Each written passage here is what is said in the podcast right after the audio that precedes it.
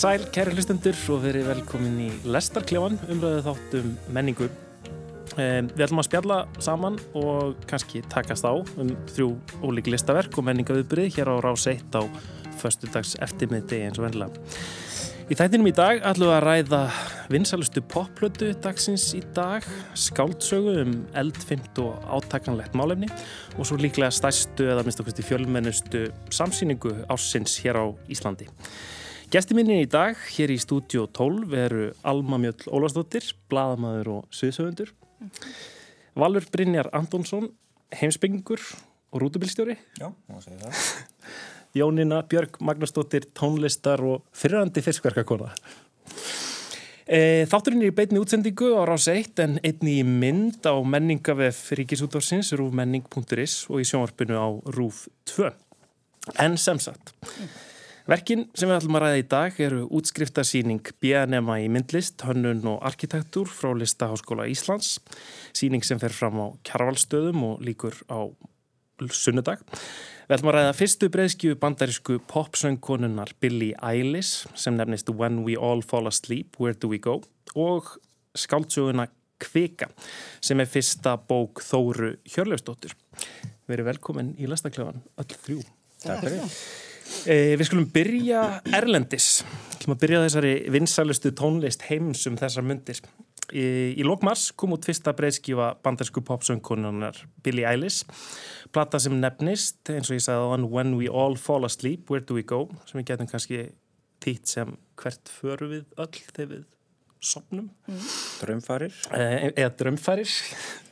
Uh, platan hefur algjörlega sleiði í gegn og gert hérna 17 ára gömlu Billie Eilish að ofurstjörnu á einni nóttu, tónlistin og Billie sjálf þykja að koma eins og ferskur andblærinn í hinn á vinsældarlistana Vestanhafs. En það fer hún á margan hátt á móti hinnu ríkjandi popstjörnumótili í tísku og viðmóti. Við ræðum það eflaust betur hérna og eftir. En við öll sem sitjum hérna erum kannski svona aðeins eldri heldur en svona helsti markhópur Billie Eilish. Heldur betur. Ég byrja kannski á þér Nína, hafður heyrst um þessa söngkonu áður en þú eh, fegst þetta verkefni að hlusta á blöðuna? Nei, ég hafði ekki heyrt um hana og ég hef með svona ofnami fyrir uh, vælusöng og, og ef ég má segja bara hreint og það sem ég kalla svona pípgupopp bara, Einmitt. allt sem er svona eitthvað væmið og þannig að ég er alveg afskaplega glöð að heyra þessa ungu konu syngja með þessar fallegu rödd Einmitt. og svo tónlist sem ég hef sungið í gegnum tíðina er reyna að hafa eitthvað að segja ég syngi ekki bara ég elska þig þú sæð bara af því að ég elsk þú veist, til einhvers þannig að hún hefur virkilega eitthvað að segja og þá var það sem heitlaði mig líka þegar ég fór að skoða textan hennar og, og svona Einmitt. og ekki spilli fyrir að hún er ískum og skoskum ætt Já, hvað með ykkur inn? Hafðu þið, þið heyrt um hana? Nei, ég bara, ég var hæðilegt að segja það. Ég, þegar ég heyrði lægið hérna fyrst og held ég að, að þetta væri hérna hún Lana Del Rey. Og þegar ég flettinu síðan upp að þá kemur við til ljósa að, hérna, að hún þólir ekki að vera bjórn saman við hana. Mm -hmm. en það eru, það eru svona mér fannst hún vera svona tomboy prinsessan í ef Lana er drottningin þá, þá er, er hún hérna. Svona en, en það voru 500 miljón niðurhöll á, á hérna á YouTube þannig að þetta er, þetta er greinilega einhvað sem ég er ekki að fylgjast með sko, Nei, en, ég en ég hlusta, ég hlusta á þetta Og hvað finnst ykkur? Um, Alma, hvað, hérna sko, hvernig finnst þér þetta? Ég var nú að fá að koma að sko með þetta hvort ég hef vitað hver hún væri fyrst sko, af því að ég er búin að vera að vanda mig sko í tvo daga að segja Billie Eilish en ekki Billie Ellis af því að sko ég var, búin, ég var skömmuð fyrir að þekka henni ekki. Ég býsast með þreim strákum og ég er elst heim með mér og ég kemur í eldur og segja eitthvað, herðu ég er að hlusta á þess að Billie Ellis þarna fyrir, fyrir eitthvað þátt sem ég er að fara í fyrstun og sambilsmaður minn sagði bara, veistu ekki hver þetta er? Er eitthvað að þér, þú fannst ég algjörlega glötuð fyrir að veita ekki hver þetta var. Og ég aldrei fundi fyrir aldri mínum jafn mikið. Og þess að ég er 28 ára verða í júni mér fannst ég rosa gömul Það er nokkur að spyrja okkur En mér fannst þetta svona mér fannst þetta náttúrulega sko mér finnst þetta svona skemmtileg uppgötun sko að ég hefði líklegast aldrei leitað henni sjálf og mér finnst þetta hljómu svolítið svona eitthvað sem maður heyrir í útvarpinu og ég vissi ekki hvað hann gömul þegar ég hlustaði á plötinu fyrsta skipti og ég fann strax fyrir sko þetta svona vel pródúsirað úlingapopp Hún er mjög ungar það ekki, hvað er hún? 16-17? Hún fæðist 2001, já. Já, já, um. Þú veist, í desember 2001 og, og, hérna, og, og lögin er svo mismunandi, sko, það er, er svo er rosalega svona pólar andstæðar fyrst með vera í lögunum. Eitt lagi er svaka töff og annað er rosalega svona viðkvæmt og röddin er rosalega lítill. Það er, mér finnst þetta skemmtilegt að hlusta þetta og ég, ég finna, ég tengi ekki alveg við það sem hún er að segja lengur en ég byrju mikla virðingu fyrir því. Mm. Þegar kannski tengi við það. Sko, ég náttúrulega skoðuði aðalega þrjúlög mm -hmm. og hérna og textana í því og þó ég tengi kannski ekki persónulega við að þá er það svo samt svona, hún hefur eitthvað að segja mm -hmm.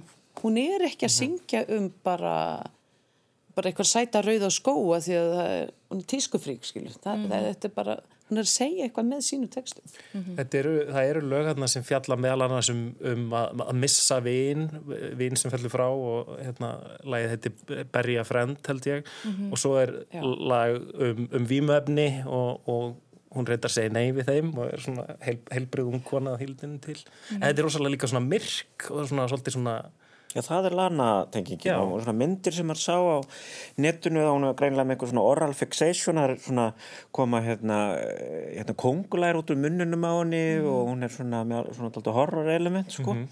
en eitt sem, ég veit ekki hvort þessi vingil eh, er eitthvað út úr kú sko en eitt sem ég veist merkilegt að frægast að lægi hennar hérna þegar syngur hún með tónlistamann sem heitir Khalid og hérna byrju eh, lægið hérna eh, Lovely. já, akkurat Lovely. Mm. það sem ég fannst áhugavert við það er að þetta er pródúsera algjörlega í bandaríkjunum og þó að það sé sko mikið um þetta í Evrópu að, að þú ert með múslíma sem eru í, inn í tónlistasennunum og sérstaklega náttúrulega rapsennunni að þannig í því lægi þá koma svona arabískir hérna tónar, einhverju svona dóriskir arabíski tónar mm, sko sem að hérna sem að ég held að sé ekki svo algengt í svona pródusýrðu pappi í bandarækjunum mm. og ég veldi fyrir mig hvort að það hafi einhver með það að gera að nú erum við að fá nýtt fólk inn á þing í bandarækjunum, það er Ílan Omar sem er ung kona 20 og eða 33 ára inn og þing og hún er fyrsta muslimakonan til þess að komast inn á þing, mm -hmm. þannig að hvort að svona mainstream menningin í bandarækjunum sé farin að vera opnari fyrir fyrir þessu sko uh, ég hugsaði um það þegar ég, þegar ég heyrði þetta lag Einmitt. það sem hún náttúrulega gerir uh, Billie Eilish er að blanda saman svona rosalega ólíkum áhrifum þú veist, maður heyrir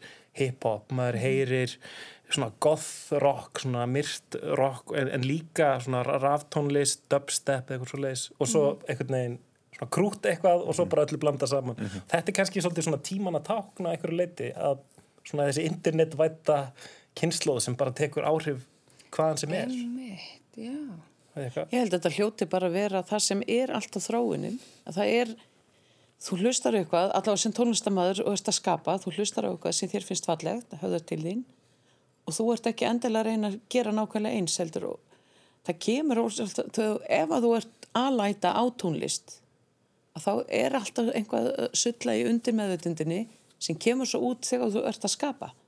Þannig að það kemur, það er óhjákvæmilegt að það blandist saman. Mm -hmm. Hvort, og kannski er hún að gera þetta mjög meðvitað, ég veit það ekki. En ég er allavega svo hvaðvís að ég sjálf myndi ekki virka þannig það er bara kæmi óvart. Mm -hmm. Mér finnst það skemmtileg punktur samt út af því að þegar ég var á hennar aldri þá var maður bara að hlusta á geisletiska, ef það gerir ég var svona, um það byrj 16 ára, þá voru bara geisletiska til. Maður kann ekki fara inn á Spotify og gert listamann sem að tengist þessum listamanni út af svipum áhrifum og -hmm. svipari tónlist. Þannig að, jú, kannski eitthvað. Ég man eftir að vera á Last FM og reyna að leita eftir tónlistamennum sem líktast öðrum tónlistamennum en miklu, þau er miklu meira aðgengi að áhrifum í dag heldur en við höfum kannski. Sérstaklega því að þið eru eldrinni það þarf að koma fram. Já, ég meina að maður gerir playlista og það bara fer út um allan heim og það fer bara frá klassík í hip-hop í veist, hvað sem er. Mm -hmm. mér, mér finnst það, það, það við nútíman svo, svo geggjað að geta bara og sem ég nota mjög mikið sko síman fara inn á YouTube, tjekka, fara að googla eitthvað, ná í 1-3 mér vantar svona ég get tekkað á því hvað er þemað eh, skór til dæmis í lögum mm -hmm. lög sem fjallum rigningu mm -hmm. mér langar kannski eins og ég held síðast að sem var tónleika með og þar voru fullt af lögum sem það sem rigning kom fyrir Singin in the rain og alls mhm. konar svona mm -hmm. þetta getur maður gert í nútímanum bara sest niður eða þú ert einn á flugvill einhver staður út að hugsa maður eitthvað að gera mm -hmm. dreifur tímanum með þessu þannig fólk sem situr í símanum er ekki endilega skilur að, að hérna bara fyrra sig frá umhverjunu heldur er það kannski einhverju svona ranns, virkilega rannsóknar vinnu æ ofinni æ að því þú er og í tónlistin er þetta svo frábært að það er allt til þarna En svo líka einmitt annar punktur með það, þú veist, hvað hann er ung og ég ætla, ég ætla ekki að vera með aldursfordum að gagvertinni. Ég er búin að lofa sjálfur með því. En þú veist... Það er elstafinni, sko. Já, elstafinni, skilju. En ég held að geta líka verið það að hún er, hún er náttúrulega ekki á aldamóta kynsluðinu, hún hlýtur að vera á einhverju annari kynsluð. Nei, það er einmitt talað um og hún, sko, það er talað um þetta sem Generation Z, seta kynsluðin og þá eftir að þýða það einhvern veginn yfir á e, íslensku. En það er, held ég, þessi kynsluð sem að elst upp bara frá frum bernsku bara við internetið og snjálfsíma og, og svoleiðis, þannig hún er alveg, já, hún er ekki aldamóta kynsluðin En þannig hennar tilviki má ekki gleyma að það, hún kemur úr tónlistu fjölskyld Já Einmitt. Báði fóreldrar ef mér strétt. Eru tónlistafólk? Þannig að ef þú ert með þetta þú elst bara uppi það, það er hljóðfæri út um all, mm -hmm. pappa og mamma er að spila og er að skapa og gera. Og hérna þá er það svo nærtækt. Mm -hmm. og má kannski benda á að, að bróðir hennar semur öll lögin og, þau saman að, að mestu leiti og hann tekur upp og ég held sko að þau slóu uppalega í gegn bara með því að setja sömdu eitt lag saman og hún söng og setti inn á SoundCloud og, og slóu þannig í gegn fyrir einhverjum fjórum árum þrejum fjórum árum. Mm -hmm. og gera svo myndbæti kjölfarið þegar það er svolítið ólíkt finnst mér sko stefnum sem við tekjum núna sem er þessu svona emo stefna að því að ég horfði á eitt myndband, það var einhvers sem sagði mig ef þú ætlar að kynna þér hann þá verður að horfa á myndbandin og ég sá einhver myndband þar sem verður að stinga hann í baki með einhvern nálum og, og hún var með eitthvað svona dögt í augunum og var undir rúmi og var alltaf svona, já, rosa dimmt sko. Já, svona martraðakent Mjög martraðakent Fyrst þegar ég sá, sko, ítt af fyrsta lægið á YouTube og hlusta sá ég þetta, þannig ég bara ósælrætt rökk kút, lokaði augunum og hlustaði á öll lögin þannig einhvern veginn mm. en svo ekki nei, ég get ekki farið hinga og ræðum hann og horfa ekki á myndböndin mm -hmm. því það er svo margt sem hún vil segja sem likur þar mm -hmm. Þú sagði Nína áður þegar við fengum okkur kaffi að það færi allt svona í ringi mér finnst svona margt í því sem hún er að gera. Minnum mitt alltaf á svona 90's nú er ég það gammal sko. Að hérna, hún var ekki eins og fætt sko en, en þú veist bara í hvernig hún klæði sig og, og einhverjum svona alls konar hlutur þetta myrkur og svona, svona grönns. Grönns element, það er alltaf það sko. mm -hmm. en, en sko og svo er annar mjög áhugaverður samanbyrður að því að fyrir nákvæmlega 20 árum Mm -hmm. um, þá sló í gegn 17 ára bandar, bandaríkst stúlka sem var Britney Spears ah. með Baby One More Time Já. þannig að hún var á sama aldri fyrir nákvæmlega 20 árum og framsetningin á henni sem mm. náttúrulega þessu rosalega kynferðislega viðfangi mm -hmm. uh, í hérna skóla skó, skólastelpupilsinu og mm -hmm. allt gert út af kynþokkan uh, Billie Eilish er ekki að gera út af það allavega ekki á þennan svona hefbunna kynþokka hún er ekki hálfnækin og eitthvað svona og það er eitthvað sem maður tekur eftir strax sem maður sér myndbundin og svona ímyndarherferðinarnar það er svo að finna að maður taki eftir því að það sé ekki verið að gera út af kynþokkunar af því að þú veist, ymmit þessar uh, fyrirmyndir sem ég hefði esku í popheiminum voru Britney Spears og svo bara hefur þetta ekki hægt þá getur núna kannski fólk fyrst haugsað svona, hún er svo ung hún er svo ung mm -hmm. það okkur þætti kannski fáralegt að sjá hana núna klætta eins og Britney Spears var klætt þá, finnst það ekki? Jú, Þa, það, það bara Jú, pass, það maður, passar ekki inn í þessi mynd ekki, ekki, sko. sko, við erum ekki einn samdöina þeirri menningu eins og þá það held ég algjörlega sko. mm -hmm. ég hlustaði á sko, hlustaði á lagi þá er ekki búin að lesa neitt um hana mm -hmm. og ekki búin að leita neinum upplýsingum um hana þannig pælti ekki til aldrinum mm -hmm. hún, hún, bara, hún var að segja mér eitthvað hún var að segja mér sögu og vakti áhuga minna að hlusta mhm. og röttið maður falleg hún pyrraði mig ekki á neittmáta af því að sko þegar maður er búin að vera að læra að söngu eitthvað svona og mér finnst það alveg hræðilegt og er galli og þarf að taka mig á í því að ef ég fer á tónleika þá er ég ekki að njóta mm. þá er ég að gaggrýna allan tíman mm -hmm. og það er ekki gott mm -hmm. en þarna náði, fyrstu skipti í langa tíma náðu að njóta af því að röttin bara vá þetta er ekki, þetta er ekki hérna væl Hún er ekki að taka svona einhverja krúsidúllur og eitthvað svolítið, mjög svo, svona blátt áfram Já og svo mann náðu hún að, þú veist, með sópranröttinni sinni hærri tónum, tærum alveg dásanlegum, sko. Mm -hmm. sem gerir það verku ég eftir að hlusta hana. Það er bara bátið En hlustar á hana í heyrnumtólum eða hlustar á hana Góð spurning.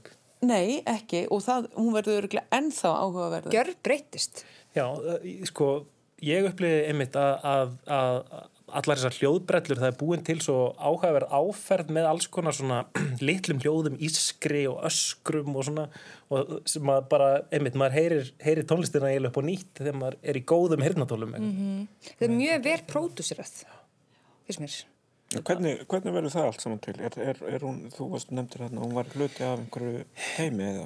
Sko, ég, ég, ég þekki það ekki nákvæmlega en, en ég held að þetta sé að mestuleiti bara tekið upp á heimilið þeirra og þau bara gerir þetta svolítið sjálf. En það er, það er stór fyrirtæki á bakveðana sem er Interscope útgáðan sko sem er til hluta Universal eða eitthvað svona. Þannig að það eru miklu peningar sem hefur verið að setja í Þetta er algjörlega mainstream. Já. já, já en já, Ég hugsaði mér þegar ég hlusta á þetta sko að mér langaði að vita, ég var ekki að gera sko ég var ekki búin að ákveða hún ætti eitthvað x mikið í læginu en ég hef vilja heyra lægið án svona mikill að pródúseringar bara til að vita hvað var hennar. Þegar maður veit náttúrulega ekki hvort að hún semmit allt, að hún og bróðurinn semmit allt sjálf eða hversu mikið er bara búið bæta við og stilla. Mm -hmm. það er líka hluti af tónlist dagsins í dag að maður veit aldrei veist, hver á hvað einmitt. í en, tónlistinni. en, en það það skiptir ekki öllu máli Nei, en hún er samt andlitið ekki. og hún er andlitið og það er, það er hún sem að við munum hugsa fyrst og fremst um. Er ekki til einhver svona flökk og saga af gamlu manni sem fyrir á symfónitónleika og svo hann spurður eftir og já, hvernig fannst þér?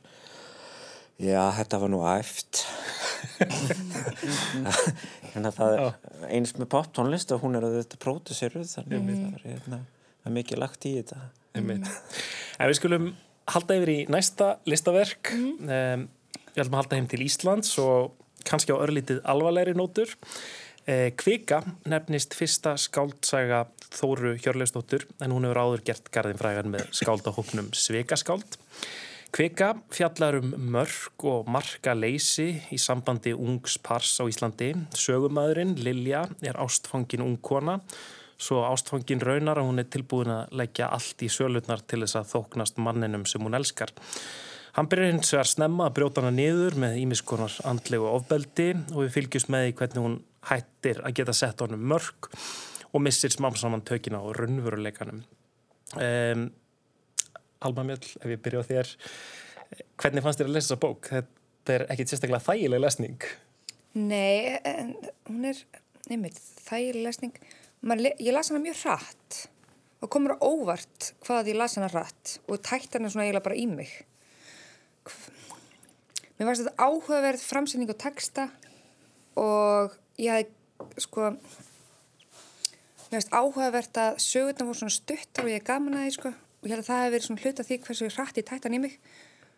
Og líka hvernig uh, textin verður sko hann leysist svona meira og meira upp og verður óreiðkendari svona þegar nærdreið og lókum um bókinni. Og svo náttúrulega bara umfyllunar efnið er mjög erfitt og það er erfitt af því að það er svo hverstaslegt af því, og ég held að það sé svona góð ákfyrin að ofbeldið er svona minnst líkanlegt nema það sem hún sko beitir sjálfa sig. Og þá verður þetta svona flóknara út af þessum, þessum andlega ofbeldi sem er svo á sig svo djúpa rætur í samfélagir okkar að maður byrja alltaf kennsla á það. Þannig að maður þarf að vera bara eitthvað svona þetta er, fattu eitthvað veit, þetta er svo ótrúlega hverstarslegt ofbeldi en það er bara hægt að segja það eins að hljóma illa. Já, þetta er ekki líkamlegt á þann hátt að hann lemjana eða e, fólk kannski á, á það til að líta á ofbeldi sem svolítið svart hvitt fyrirbæri en, en þannig er þetta einhvern veginn einhver gráskali sem verður stöðut grári og grári eftir Já. því sem að maður kynnist í betur og líka því að sjálfsmætti hennar er í svo miklu mólum að maður sér þetta út frá manneski sem er með mjög broti sjálfsmætt og það, það er líka svo brengla sko, bara einhvern veginn sjónarhortni sem maður fær að horfa á sögun í gegnum sko. Einmitt. Nína, hvernig greip þessi saga þig? Ég voru að segja það, að ég las hana líka svona rosalega hratt og það er hratt að ég veit ekki titlum hvers hvers uh, hluta fyrir sig en hluta að kapla fyrir sig neina aðtikli. Já, við getum kannski sagt að, að, að þetta eru í rauninni hver kapli er svona um það bil, eða yfirleitt bara nokkra setningar, kannski ein síða og er nefndur með titli. Já. Og það, ég pældi ekkit í því, ég las þetta bara, þetta var svo þægilegt að þennan máta stutt. Ég lág og lasi þetta allt bara í einu rikk en annars vennilega, þú veist, það hefði ekki trubla mann þá ef maður hefði hef orðið að leggja frá sér bókina. En hérna en varðandi ofbeldið og svona þá er þá er það svona helst í kynlífinu sem er líkamlegt ofbeldi mm -hmm. af því að það, hún hún vill ekki enda þar mög og það kemur sko en það kemur að hann ítir henni stöðugt áfram fyrir mhm. stöðugt út í það eins og til að sigra hana. Hann mm. okkur máta þannig. Sigur hann þetta, ná henni það hún vill ekki þetta, hún vill ekki svona. Hún má ekki tala við þennan eða hinn eða, skilji, það er alltaf sko meira og meira, gengur lengra og lengra. Hún getur hún er einangræður og orðin svona, já verfið sjálfa sig að maður getur hún það bara þannig sko. Stöðut verið að þrýsta mörgunum Já, öllu, öllum mörgum og öllum sviðum Og þegar ég segi sko hverstaslegt þá er ég alls ekki að gera lítið úr því sem á sér stað. Þá er ég meina, meira meina sko ég held að áhrifin, hérna held ég að mætist fyrir einstaklingar sem á orði fyrir áhrifum samfélagsins, þú veist, áhrifin sem hann verður fyrir og hvernig hann verður svo vegna þessa áhrif og hvernig hún er, þú veist, mununa á að stelpa á strákur og hvernig það mætist. Mér finnst það eins og einhverjir ættu erfitt með að bera kennsla á eitthvað af þessu væri ofbeldist, ég veit ekki hvort þér myndir segja frá þessu öllu. Og það er erfið að ljóta við þetta. Já. er, að því eins og nefndi mig bara kynlífið í bókinni, ég er alveg nokkuð vissum að þú veist fyrir dagarskilir drusligöngunar ætti fólk erfitt með átt að segja á því að það var þarna verið að fara yfir ykkur mörg Já. að því að þetta er inn á heimilinu og þetta er kæristan hennar og, og er að tala um þetta. og hann fær öruglega einhverju leiti samþykki. Já, á einhvern hátt, að því að hún veitur hún heldur ekki mótspyrnu, að því að hún vil að bara, bara fremsta leiti þóknast. honum, skilju og þetta gerir þetta svona, og minnst það sterkast er punktun í bókinni, sko. Mm -hmm. Valur, hvernig Já, sko Ekkert að þessu ofbeldi í sögunni kemur mér sérlega á óvart og mér finnst mikilvægt að taka fram að í bókinni þá segir hún hún gerist í Reykjavík 2007 mm -hmm. en ég held að personur þar eru mjög berskjaldar fyrir því sem nú hefur verið í umræðinu síðustu ár mm -hmm. þannig að til að mynda ef maður hefur verið að fylgjast með umræðinu síðustu fjögur-fimm ára þá hafa verið náttúrulega margar svo kallar svona millu bildingar mm -hmm. fyrir MeToo var það fríðin Nipples, það er druslugangan en svo líka svona um 2014-2015 þá fer að koma í kynjafræði og mentavísindum mikið af rannsóknum bara til dæmis mitt eftir rannsók sem ég las sem heitir Strák strákar eru með svo mikil völd sem var að meistara reytkeri kynjafræði um sagt, líðan stúlka og hvernig það eru upplifað þess að Þetta var 2014-2015 einhvers og svo fara að koma marga rannsóknir og þannig að það fer að koma þessi miklu meðvitund sérstaklega meðal hvenna mm -hmm. um þessi gráu mörg mm -hmm. og hérna þannig að maður, og svo er þetta MeToo-sögunar alltaf saman, þannig að maður, maður er búin að Eh, sjá þetta gerast. Og svo líka ekki bara hér á Íslandi heldur í bandaríkjunum og það er gott að minnast líka á aðra smásúðu sem slói gegn í bandaríkjunum í New Yorker sem heitir Cat Person sem að uh, lásiði hana, hún var, hún var í New Yorker. Það var svona saga sem var líka svona noveletta eða svona laung mhm. smásaga og sló algjörlega gegn á Twitter út af því að fólk held að þetta væri raunveruleg saga mm. og strákar fór í vörn og fór einhvað, þú veist, að reyna að verja söguna fólk fór að tala um þetta sem, sem alvöru fólk mm. þannig að þetta hefur, þetta hefur sagt, mikið verið í umræðinu ég held að, ég held að þessa personu myndi haga sér öðru sig í dag þannig að það skipti máli að þetta er 2007 og mér finnst þetta að vera að ljúka kannski daldi einhverjur umræði sem er búin að vera síðustu ár sko. mm -hmm. og hérna Þetta er sterk saga og hérna að velhald að mæla með henni. Ég sé fyrir mér að þessi saga getur verið sko notuð sem bara kennsluefni í kynjafræði eða bara einhverju svoleiðis í mentaskóla. Mm -hmm. Og góður kennari sko getur þá Hún er einrætta þessi saga og hún er sagð algjörlega frá sjónarhortni þessari stúlku en góðu kennar getur tekið þessa sögu og, dreyið fram aðra rattir, kannski reynda þú veist þannig að strákarnir lamast ekki hérna, þannig að þeir geta þá einhvern veginn mm -hmm. horst aldrei kannski auðu við það sem kemur fyrir í sögunni en náttúrulega aðalpersonan hérna er, að, er í sambandi við strák sem er algjör lúsir og amlóði mm -hmm. og hérna og maður skilur eiginlega ekki akkur sögupersonan Lilja sem þetta er ástofngin af honum Ég verði eiginlega að segja, er, það er sagt að þetta sé ástasaga, mér finnst þetta ekki vera ástasaga, þetta er ripningarsaga og, og við erum kannski hérna, sem er aðeins eldri sko, þetta er svona einhvað sem að, veist, sem að vonandi vex upp úr að, veist, að, að vera svo í þessu dýnamík sem er hérna í sögunni. Þetta er, þetta er ekki ást, þetta er, þetta er, þetta hrifning. En það sem er svo stert í þessari sögum og er það að um, maður getur byrjað að tala um þessa mannesku eins og þetta væri vennilega eins og þetta hún væri til mm -hmm. og ég held að það býr til umræðu mm -hmm. uh, mér finnst það tvenn sem tröflaði mig það var, það var sko sko útgefandi segir skáldsaga Þetta er eiginlega ekki skáltsaga, þetta er laungsmásaga, þetta er noveletta og, það, og alveg eins og í samfundum og eins og í listinni, það skiptir mála að kalla hlutunum með réttu nöfnum því að sko í, að, að minnstu kosti fyrst mér að í skáltsugu það er ekki bara spurning um lengdina heldur það þarf að sko í þetta saga, hún er frábær eins og hún er út af því að þetta er algjörlega hennar saga Mm. en maður fær ekki að vita neitt sem er í kringum það er, það er, það er ekki margrata maður skinnjar aldrei almeinlega hinnar personunar mm. maður sér þetta allt frá hennar sjónarhaldni og það virkar ofsalega vel í svona langri smásögu mm. sko vegu smásögunar er það virtur hérna í, menningunni þannig að það má alveg kalla sögu, smásögu og það er ekki minna að kalla það en þetta hún rýst ekki alveg undir væntingur mínar að minnstu sem skáldsóta því þá myndi ég vilja sjá sko þetta er sálfræðilegt drama. Af hverju er manneskjan svona? Já, hún. Já, bæði hún og hann. Og, hann.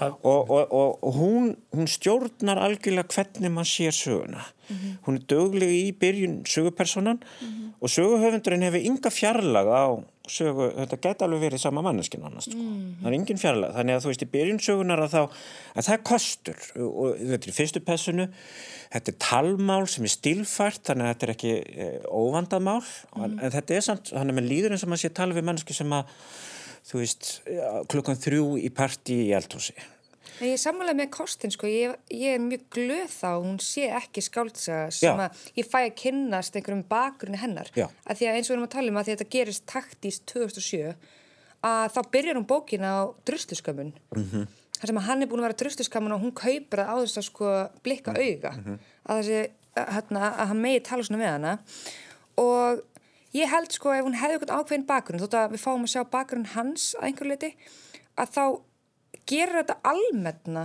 að við fáum ekki kynast henni betur að því að ég fór strax að hugsa um bara áhrif klámvæðingar uh, einmitt dagana fyrir drustlugönguna sjúk ást að því þú veist, við, nú erum við komið með þetta hugdag sjúk ást sem við höfðum ekki þá þannig ég er með glöð að, að kartina er ekki dýbri -hmm. er þið samla? Sko það sem að, að, að mér langar til að koma að og það er og það má alls ekki gleyma það er eins og þegar við tala um eineldi mm -hmm. eineldi er ekki hlutur sem við getum hérna, sem við getum tekið bara úr samfélagina því við erum alltaf að skapa nýja kynsluðir kenna þeim nýja reglur kenna umgengnisreglur og alls konar svona þannig að þó að MeToo hjálpi til við að styrkja og konur að kalla því að það er ekki eins mikið talað um það óðbeldi sem konur beita karla mm -hmm. Eða uh, ungi drengi verða líka fyrir kynferðslegri áreitni og nauðgunum og það er bara ennþá verða að draga það fram í dagsljósið að í þessu þá er það þannig að hérna, við getum aldrei komið í veg fyrir að þetta ske aftur. Við getum hins vegar minga líkurnar á. Við getum fækka tilvikum mm -hmm og það er alveg bara eh, sama hvort við erum viðmefna vörnum eða hvort við erum í, í hérna já bara kynfræðslu, kynsjókdóma eða, eða hvað það er skilju við munum aldrei af því það er alltaf einhver sem mun vilja þóknast öðrum. Mm -hmm. það verður kannski bara á annar móta ég held að, að það sé líka mikilvægt að ef við ætlum að nota sem kennslefni að aldrei að gleima að þetta er ekkit sem að verður rætt. Þetta er dýrseðlið sem að fáir vilja viðurkennast og gangast, að gangast við. Mm -hmm. dýrseðlunni í okkur sem kemur alltaf aftur og aftur og aftur Já, alveg sko hérna með það að ef þetta verður notað sem kjænslefni, ég hugsa þetta ekki sem kjænslefni eitt og sér heldur en þetta væri, sko, það sem ég hugsa með þess að sögu er að er að, sko þessi persóna, hún lifnar alveg við fyrir og hérna og þetta gefur ofsalega svona mannlega mynd mm. á einhvað sem að maður fær bara brota af þegar maður er að lesa til dæmis þessar MeToo-sugur og það, og sko varanda það sem þú varst að spyrja hvort að, að hefði, hvort það sé ekki gott að það diffki mm -hmm. suguna, sko ég er ekki alveg svona því að hún, hún sko sko það kemur í byrjun, það kemur svona hún tilengar söguna mm -hmm. þessi frásögnu skálduð en svo tilengar hún uh, bókina sem sagt hérna fórnalömpum ofbeldis mm -hmm. Og það teng, kemur þá inn á þetta sjúkást og þetta og það sko að, það setur söguna alltaf í sko, ég sem lesandi, ég þurfti að sko það og sko hvernig ég var að nálgast þetta þá var ég ekki alveg viss um hvað ég var með í höndunum mm -hmm. út af því að er, er, er þetta, er þetta hluti af einhverju einhverju, einhverju herrferð og þar sem að þetta eiga, sem geta höfða til allra mm -hmm. eða er þetta saga sem er virkilega að kafa ofan í personunar uh, um leiðu ég bara slefti þeim vangaveltum og bara tók sögun á sínum fórsöndum, var ekkert að hugsa í hvað var á kápunni eða hvað hvað var hérna fremst sko, mm. að þá finnst mér þetta góð noveletta, þetta er góð saga, mm -hmm. hún er vel uppbyggð og, og hérna sérstaklega hvernig framvindan er mm -hmm. að hún verið ljóðurætni eins og þú komst inn á þegar að, þegar að líður á söguna mm -hmm. því að þá er á sama tíma eins og personan sitt alltaf að leysast upp mhm. og þannig að þá fer maður einhvern veginn svona dýpar onni, onni personuna það vakna spurningar sem hún þarf ekki að svara til dæmis það er svona, þú nefnir til dæmis kallmennina sko, það er það er, er átakanleg uh, fjárvera jákvæðara kall fyrirmynda í sögunni mm. og það er mér áðugert held ég það er það sem hún hún á í góðum tengslu við móðu sína hún er þess að sögupersona Lilja hún er góðum tengslu við vinkunni sínar en svo er röð af strákum hann sem hafa allir verið amlóðar og lúsirar mm. og ekki ja. bara það heldur þeir eru 2007 strax farnir að fara í þetta svona pick-up artist hérna Red Pill fræði sem að hérna, strákar eru að lesa sér til um hvernig að taka konur á löp sagt, og, og þeir eru með að lesa þetta og sjá afleðingarna hvernig þetta tætar hana alveg upp. Mm -hmm. hvernig hann kerfispundið er að þú veist að spila með hennar óryggi mm -hmm. og, og, og svo fræðins. Og þetta er allt saman vola vel gert og undir lokin þá kemur hérna fyrir einhver svona Karlkins föður ímynd í, í, í byrtist geðlaknir mm -hmm að maður skinnjar að söguperson hún getur ekki veist, það, það er svona það, það er svona einhver mjög óþægileg nervera þar líka sko. hann var líka bara óþröndi en, en, en, en sko munum að þetta er alltaf frá sögu frá hennar sjónarni þannig að þá spyr maður sér alltaf, þú veist, ákverður þessi mikla fjárvera uh, á, á einhverju jákvæðu frá kallmennum og, og það í því tómarúmi það sem mm. hún er þar, þar, þar sem hún er þetta þú veist, þú veist maður, maður, maður, vil stundum að skræða nei, passaðu á honum út af því því að hún á að vera hún segir að hún kemur frá góðu heimili en, en það er eins og, það er einhvað það er einhvað óbúslega næft og henni sem að hún, mm. hún lendir í þessu þannig að þannig að, þannig að, að og það er vel gert í þessu mm sem náveletta, mm -hmm. en ef þetta væri skáltsa Mm -hmm. það er spurning hvort hún þarf ekki bara að skrifa kvika tvö, ja, ef þetta væri skáldsa að þá myndum maður vilja skilja þetta. Akkur, akkur, akkur, akkur er, er eru þessar manneskjur? En þetta er, einmitt, sko, þetta, þetta er vel skrifa þannig að maður, sit, maður byrjar að lesa. Maður leikur ekki verkið frá sér fyrir maður búin að lesa. Mm -hmm. þess að segja maður vil að þetta er raunverulegt þetta er svona sagt á þann máta að maður bara vá. Mm -hmm. í alverinni ætlar hún virkilega ekki að fara? Ætlar hún ekki að gera nýtt mm -hmm. hvað er að þér kona? Ég, verði, ég var alveg sko, svo ólíkt mér hvernig ég er þannig ég, mér langaði bara, bara stíga inn í sögun og gera eitthvað sko. og endurinn stakk þig ha, endurinn stakk mig? já, ég hérna við verum, bara við verum kannski hlustendur við nú alltaf að tala um endin en ég held að við verðum að fá að tala um endin já, við verðum, verðum að gera það. Að, að því að hérna það er svo oft talað um það að það bjargar ekki sambandi að koma með lítinn einstakling og eignast barn og ætla að retta sam, sambandi þannig. En þannig endar bókin þó að, já, þá einhverja eftir að lesa þá er það þannig, það kemur lítið líf og við skiljum það á síðustu blaðsöðu bókarinnar að hún mun hætta, það er annarkort að hætta þessu sjúklega sambandi eða eignast þetta, eða velja lífið. Við getum eiginlega satt velja lífið fram með við dauðan mm -hmm. það er annarkort eða fyrir hana mm.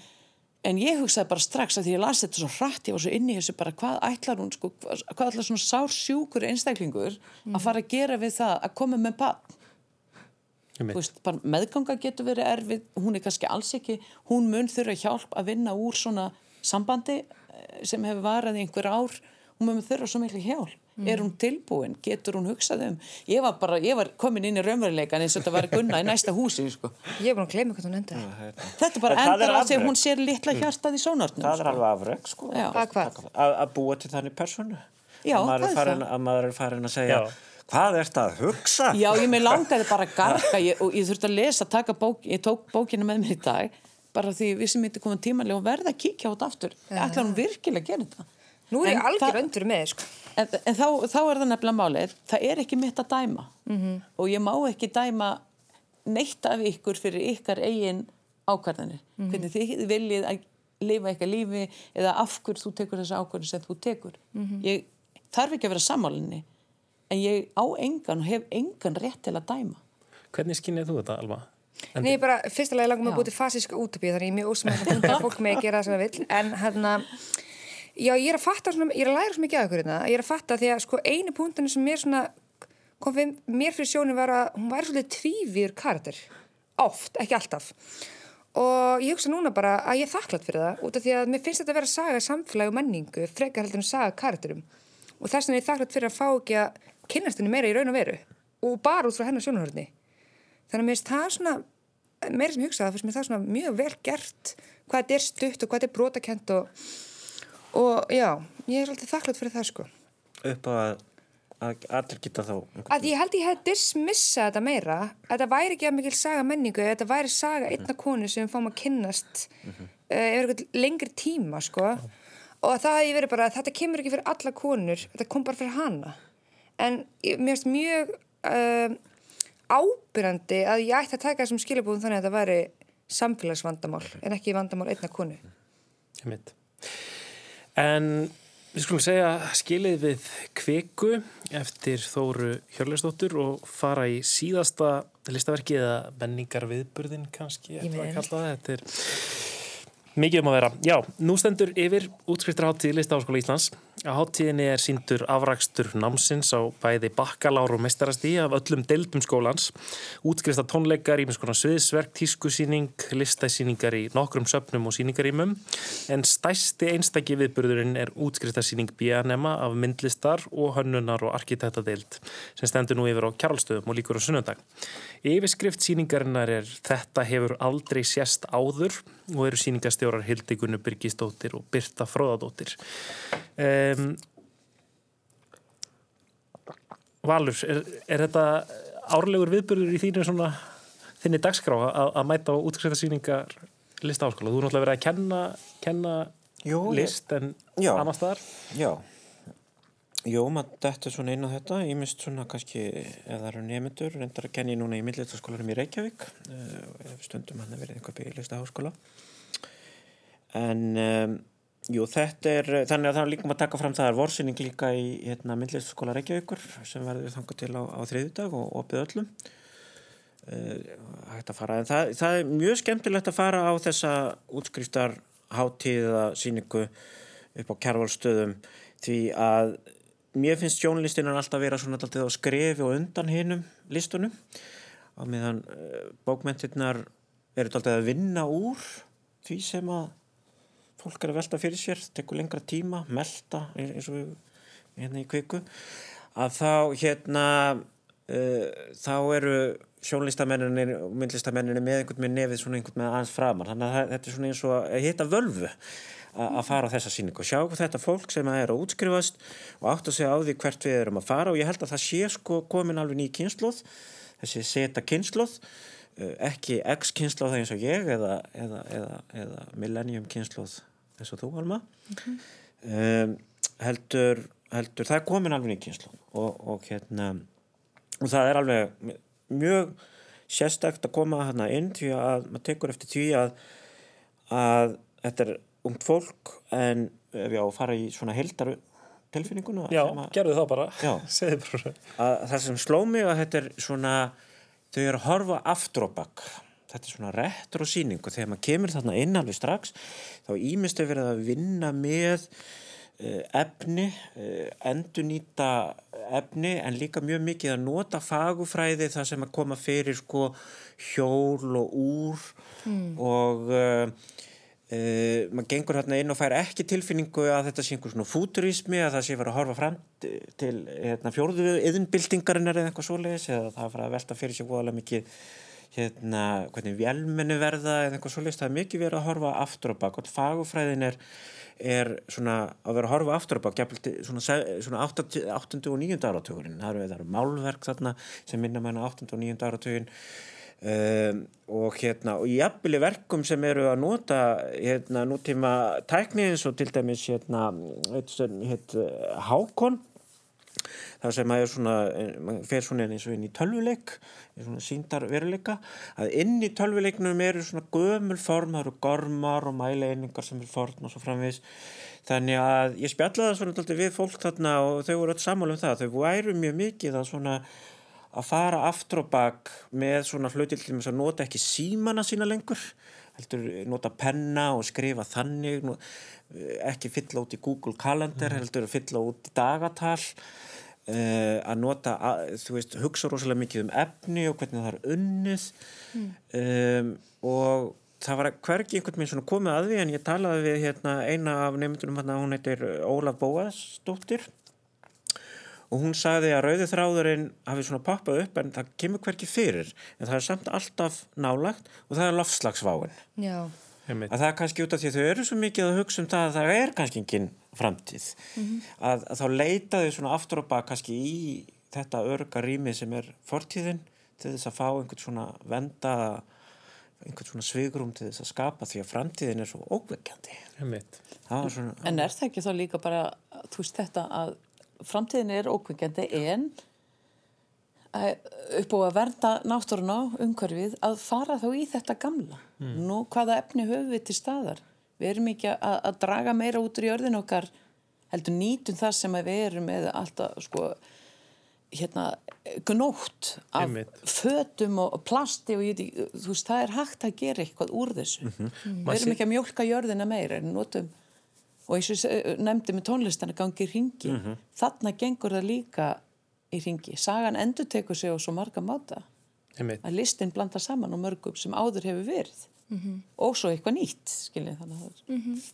En maður sér að það er kannski sérstaklega maður sér það meira í, í hönnunadeildinni þar eru þau mörg hverjum að pæla mjög aktíft í hvernig þau geta bjargað heiminum og, og þú veist eins og arkitektasýningin e, þar er verið að vinna með eyðibíli og, og einhvern veginn endur, end, endurvinna þau á einhvern hátt. Um, Alma, þú útskrifast bara í fyrra eða ekki? Hérna, þetta er mikill svona stemningstími eða ekki? Hjá... Þetta er uppskrifatíð Mér finnst þetta ótrúlega skemmtilegur tíma á örni Þannig að það er að koma vor fólk er að klára, allir búin að vera í felum í einhverjum hellum og maður er ekki hitt neitt að því það er allir að klára. Og svo fer maður á fagnar vin, með vinum sínum uh, og bara nýjum og ferskum listamönnum og mitt svo gaman að sjá hvað þau eru að gera sko. mm -hmm. Hvernig, Gaf... þú fórst bara áðan Þú fórst bara áðan, já, oh, gaman að klaga það svona ég, ég fór líka bara áðan. Sko já, þú veist, ég sé svolítið eftir í núna ég bara var prentvika hjá okkur þannig ég hafði en lítinn tíma ég fara á þessu síningu ég sé eftir ég á svona, svona hlaupið í gegnum hana smá, sko. En mér fannst einmitt þessi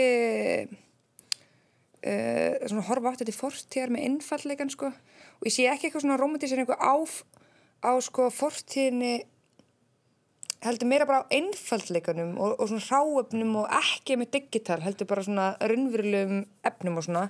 Og mér finnst það mjög auglast af vöruhönninni og mér finnst það eiginlega svona síningin sem náðu mest til mín sko. Uh, og ég hef verið að skoða hann líka því ég var svo lengi inn í myndlistinni og hún náðu ekki jafn mikið til mín myndlistinni eins og vöruhönninni náðu til mín. Verður að segast og mér finnst mjög gaman líka, mér finnst mjög mikil breyting í fatahönnundildinni frá árunum áður. Mm. það var svo mikil þarna eins og, eins og ég man ekki ég hef búin að skrifa allt niður í síma minn. Það var einhver sem var með svona eitthvað svona, eitthvað svona ger, þetta var svona född sem einhvers notað við einhverja aðstæðar að því heimunina frá enda. Mm -hmm. þú veist, hálfgeir tjöld og eitthvað. Skermur hétta Já, skermur, já. Hérna, einmitt, það var mjög flott. Já, já einmitt. Já, það var svona post-apocalyptic mm -hmm. hælingi gangið þar. -hmm en svo er önnu starpa sem var og svo er þessi með líka síningastjórnum vera mjög mikilvægt element í þessu alls saman. Og svo er mitt stelpa sem var beint að mótinni sem vildi bara uh, hverfa aftur til einhvers konar uh, hvað ég segja kvenleika, má ég ekki bara vera stelpa? Var eitthvað svona yfirskrift yfir þeim sem hún notaði sko. Og mjög ólíkt. Þetta fá vera bara í einhverju svona fallu velúr og svo þetta að, en fannst ykkur ekki skemmtilegur sko? Í fattahönunni nefnir þá var líka eh, komið smá inn á kynverund líka sko. Já, með hérna, ég maður ekki að gera það kallmennskunni Já, já, já. Þannig að það var, já. Já, einmitt. Mm -hmm. en það var svona að heimsendir hún var ekki að koma í veg fyrir heimsenda hún bara segði svona klæðist við eða hann, ég maður ekki hvort var hann eða hún eða verður af heimsenda það er að fara að gerast þannig að við skulum bara gera okkur tilbúin með að stáðlega skemmtilegur vingil sko En það er líka, hönnun er orðin sko, framsetningin á því er, er ofta orðin sko, nánast líka eins og myndlist bara einhvern veginn. Uh, þetta er orðið, framsetningin er mjög skemmtilega oft og svo er bara textar sem segja manni, uh, hjálpa manni oft mjög mikið að skilja hvað er í gangi að því að þetta kannski blasir ekki alltaf alveg við. Þetta er bara svo mikið að verkum. Og, ja. Það flæður á milli algjörlega sko, hvað þau eru að gera þannig til að mynda Það var einu, Margret Aðalheiður var í grafískra hönn með bók sem fjallaði um hégóma sem var bara svona fræðiritt í rauninni sögulega um hégóma sett allt saman í bókverk í grafískra hönnun sem hefði alveg skilt að verið uh, sko skálskapur líka og, og, mm. hérna, og þannig að það eru þessi mörg sem við vorum að tala í upphafi hérna í sambandi við tónlistina þau eru kannski ekkit svo skýr Mm -hmm. og þurfi ekkert að vera það mm -hmm. sérstaklega ekki á, á svona síningu sko. vöruhönnin var bara eins og innsetningsstundum sko. Mér finnst það mjög flott, Já. ég er náttúrulega sviðsöndur þar sem mann er svona kenta hlutir, hva, hvert einasta atrið sem hún setur frá þér hefur rosalega mikla meiningu ef þú setur raukt eppli þá er það bara heil heimur og ég persónulega og þetta mun breytast á morgun og hinn og hinn og aftur er sko ég, mér fýla vöruhönna því hún er bara maður veit hvað hann er að gera. Þú veist, við erum að reyna einhverju þannig að við erum búin að hann einhverju vöru í þeim tilgangi og þú veist, en myndist hann oft svona meira ég skil ekki alltaf textan þú veist, og ég veit ekki af hverju þetta er eitthvað með eitthvað lofslast eitthvað en ég veit ekkert af hverju. Nefnum mest að þetta hákarlaverki svolítið skemmtilegt. Já, uggur. Já, uggur. Já, En sko það er mikilvægt samt að ég takki fram að það var ekkert í verkunum sjálfum mm -hmm. þar sem að það var verið að fjalla beinleins um lofslagsvá það var meira að ég var að velta fyrir mér hvort að svo meðvitund stöðugt hérna mm -hmm. hangandi yfir okkur eins og sverð deimiklissan mm -hmm.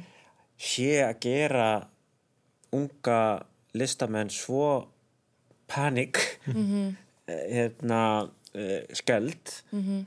að, að þau þurfi að fara svona aftur og bakk mm -hmm. í tíma Já. til þess að finna einhvers konar bara bensku og gleði og sköpunarkraft Já, þú heldur að sýtla flýja þá Já, það frekar svona fara í það sem þú veist að tala um einhvern svona einfallleika kannski vegna þess líka vegna þess að, að þetta er einhver meðvitund um neysluhyggjuna mm -hmm. og, mhm. og, digit, og kannski einhver svona tortrygni í garð alls þessa sem er að fara að gera mm -hmm. meir og meiri tæki sem tengja okkur við tölvu mhm við ættum kannski að vera á tímum sem við vorum bjart sín og tölum um allt það sem þetta muni geta gert og breytt til hins betra, hvernig fólk sem er með einhvers konar föllin getur, þú veist, byrjað að tala sem hafi ekki mál, að gengi sem gæti ekki gengi og svo framvegs en, mm. en ungt listafólk er ekki kannski að horfa það, það er ekki verið að vinna með það eins og var kannski gert fyrir svona 5-6 árum síðan, mm. núna er kannski komin einhver ákveðin tortrygni mm. í garð einhvers uh, svona yfirmáta teknilega hugsun mm. og þess vegna farið meira í svona efnin og, en þau eru eins